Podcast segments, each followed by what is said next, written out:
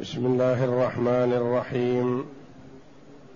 الحمد لله رب العالمين.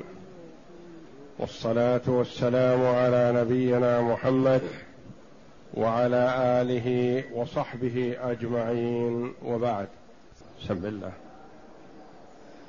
أعوذ بالله من الشيطان الرجيم. واللائي يئسن من المحيض من أسكنوهن. أسكنوهن من حيث سكنتم من وجدكم ولا تضاروهن. ولا تضاروهن لتضيقوا عليهن. وإن كن أولات حمل فأنفقوا عليهن حتى يضعن حملهن. فإن أرضعن لكم فآتوهن أجورهن وأتمروا بينكم بمعروف. وإن تعاسرتم فسترضع له أخرى. هذه الآية الكريمة من سورة الطلاق جاءت بعد قوله جل وعلا واللائي يئسن من المحيض من نسائكم إن ارتبتم فعدتهن فعدتهن ثلاثة أشهر واللائي لم يحضن. وأولاة الأحمال أجلهن أن يضعن حملهن ومن يتق الله يجعل له من أمره يسرا.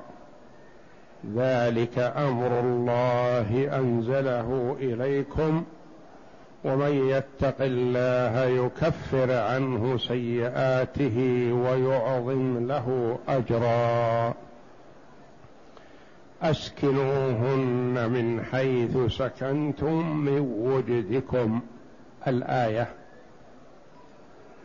لما بين جل وعلا عدة المطلقة التي لم تحض لصغرها أو انقطع عنها الحيض لكبرها وبين بعد هذا عدة الحوامل سواء كن مطلقات أو متوفى عنهن وسواء كان الطلاق رجعيا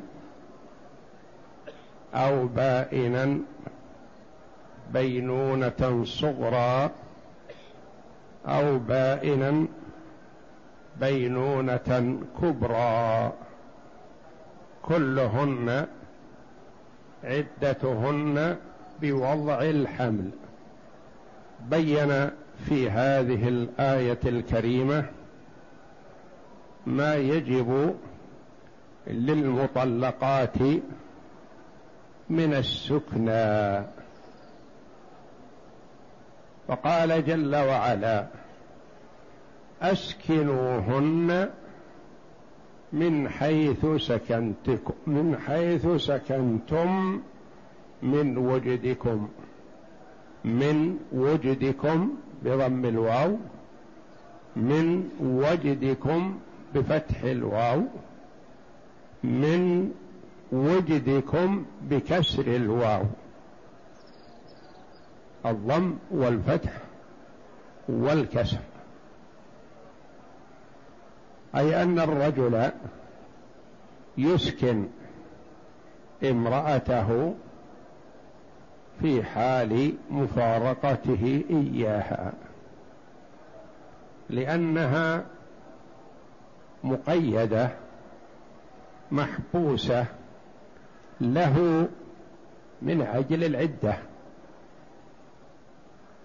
فسكناها عليه ثم إن في سكنى المطلقة الرجعية مصالح عظيمة تسكن مع مطلقها لأنها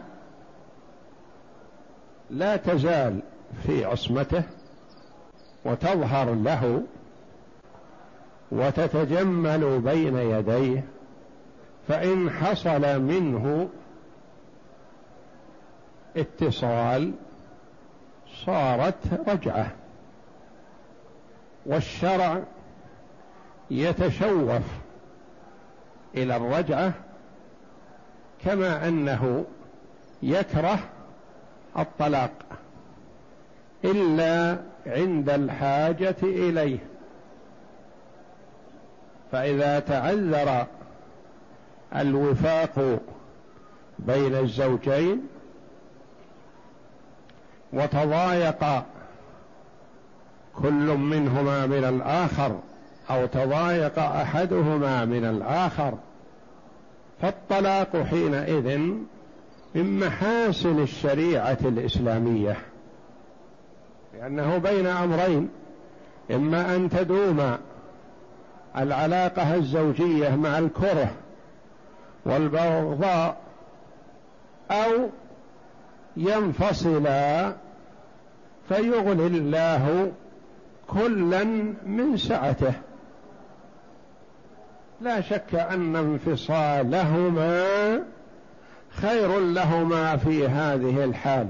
من الضم على كره وبغض.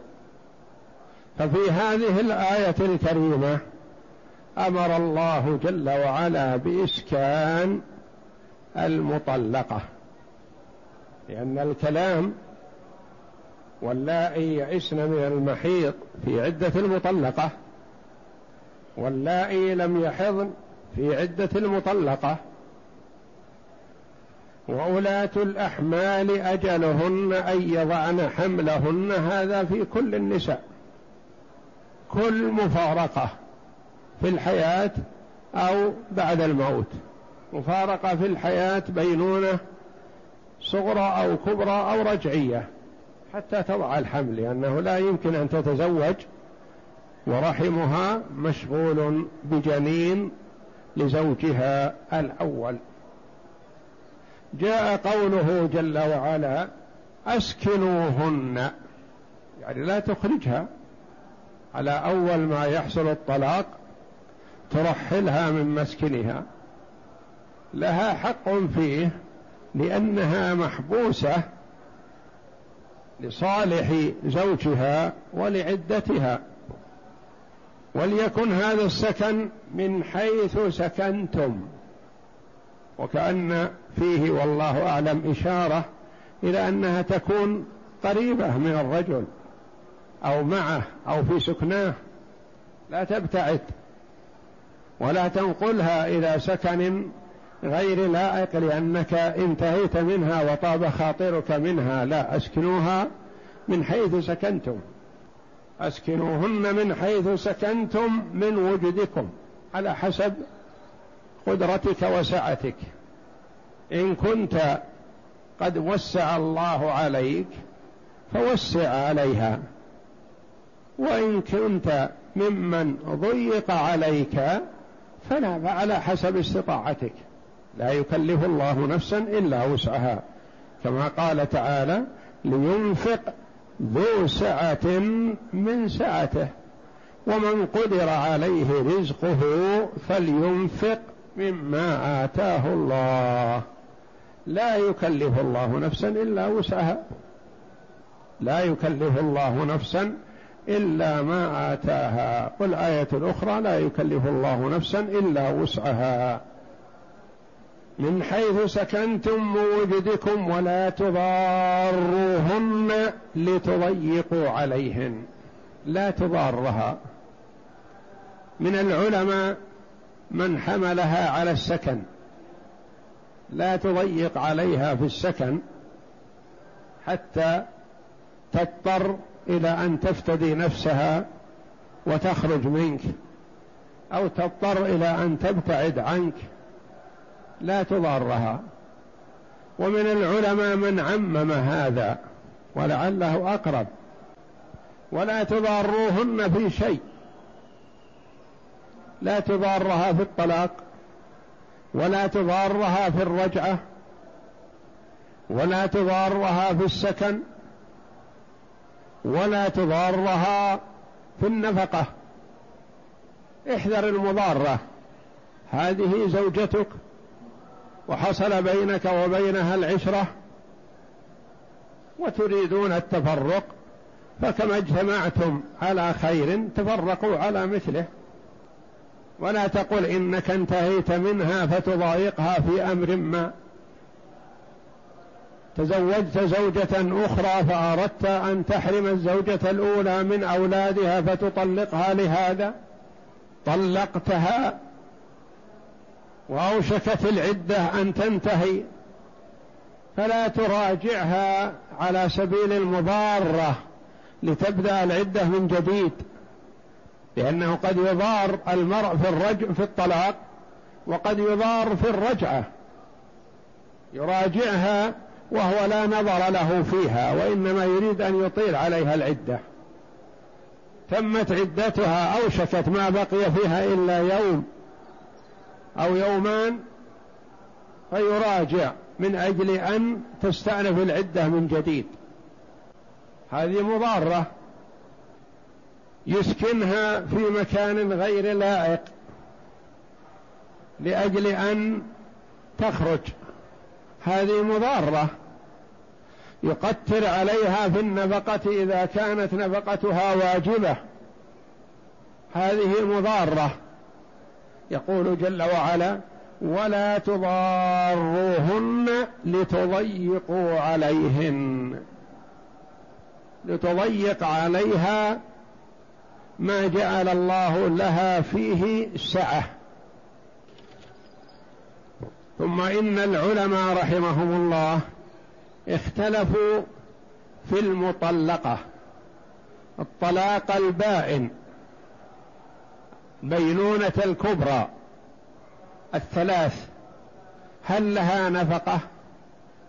هل هي مرادة في السكنى هذا أم ليس لها نفقة ولها سكنى أم ليس لها نفقة ولا سكنى خلاف بين العلماء حسب ما فهموا من سنة رسول الله صلى الله عليه وسلم حيث طلقت فاطمة بنت قيس.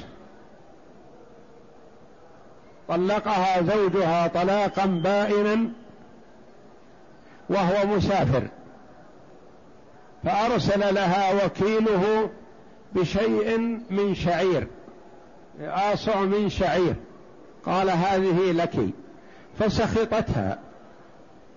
يعني ما رضيت بهذا الشعير نفقة.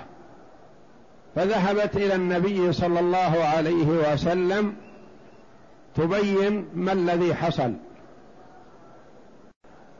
فقال لها النبي صلى الله عليه وسلم بين لها أنه ليس لها في هذا شيء لأنها طلاق بائن وانتهت العلاقة وليست حامل. وأمرها النبي صلى الله عليه وسلم أن تعتد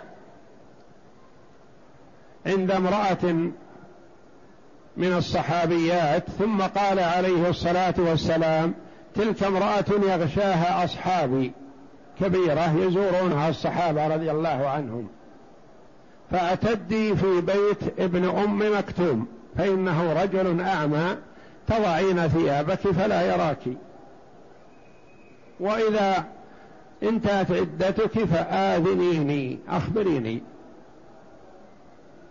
فاعتدت رضي الله عنها في بيت ابن أم مكتوم. فلما انتهت عدتها جاءت إلى النبي صلى الله عليه وسلم. وأخبرته أنها انتهت عدتها وأنه خطبها معاوية وأبو الجهم. فأيهما تطيع؟ فقال عليه الصلاة والسلام أما معاوية فصعلوك لا مال له. وأما أبو الجهم فلا يضع عصاه عن عاتقه وفي رواية أنه ضراب للنساء. انكحي أسامة بن زيد. نهاها عن الاثنين وأمرها بأن تنكح أسامة رضي الله عنه حب رسول الله صلى الله عليه وسلم وابن حبه. فكرهت ذلك في أول الأمر وأطاعت استجابة لأمر النبي صلى الله عليه وسلم وتوجيهه. تقول فاغتبطت به لأن المرء إذا قبل الشيء امتثالا للسنة ورغبة في الأخذ بذلك حتى وإن لم يكن على سبيل الاقتناع الكامل فإن الله جل وعلا يجعل له فيه خيرا.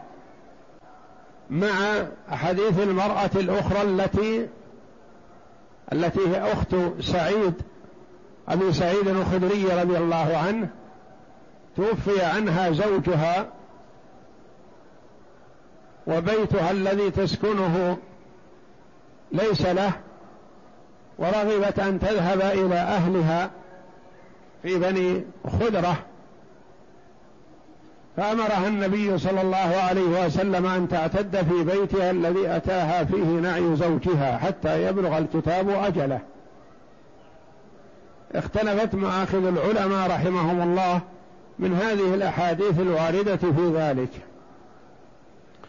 فذهب الإمام أبو حنيفة وبعض العلماء على أن المطلقة حتى وإن كان طلاقا بائنا أن لها النفقة والسكنى حتى تتم العدة. وذهب الإمام مالك والإمام الشافعي رحمة الله عليهما على أن لها السكنى دون النفقة. وذهب الإمام مالك الإمام أحمد رحمه الله وجمع من العلماء من أهل الحديث على أن المطلقة طلاقا بائنا لا نفقة لها ولا سكنى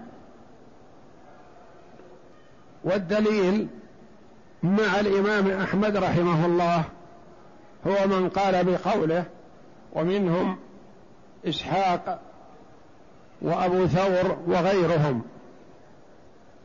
على أنه على أن المطلقة طلاقا بائنا لا نفقة لها ولا سكنى لأنها انقطعت وانتهت العلاقة الزوجية بينهما ما بقي إلا مدة التربص بالعدة وقد انتهت ولا يتوقع فيه رجعة. ونصره جمع من العلماء على أنها لا نفقة لها ولا سكنى إذا كان الطلاق بائنا وليست حاملا. ثم قال جل وعلا وإن كن أولات حمل فأنفقوا عليهن لأن في أحشائها جنين لزوجها الذي طلقها ونفقته على وليه من أب أو غيره. أو جد أو غيره.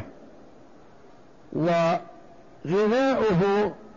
من هذه المرأة فهي تغذيه بما تتغذى به. فلذا صارت نفقة الحامل على ولي الجنين. إن ولي الجنين ليشمل إن كان أب أو جد أو أخ. لأن النفقة على الوالد ثم على ألو... على الوالد وإن على أبا أو جدا أو أب جد أو جد جد. ثم على الوارث مثل ذلك. يعني إذا كان الأخ فقير وأخوه الآخر غني وهو يرثه فيجب على الغني أن ينفق على الفقير. وإن كن أي هؤلاء المطلقات أولاة حمل فأنفقوا عليهن حتى يضعن حملهن. حتى تضع الحمل تجب عليها لها النفقة. ثم بعد وضع الحمل بين الله جل وعلا الحكم فقال فإن أرضعن لكم فآتوهن أجورهن. لأن نفقة الرضاعة على الأب أو من عليه النفقة. نفقة الجنين هذا الرضيع. فاللبن الذي في أحشاء هذه المرأة ملك لها فلا يؤخذ منها إلا بمقابل فهي تعطي الوالد هذا من لبنها وينفق عليها وليه. فإن أرضعن لكم فآتوهن أجورهن. هناك سكنى ونفقة بالنسبة للرجعية وهنا أجر.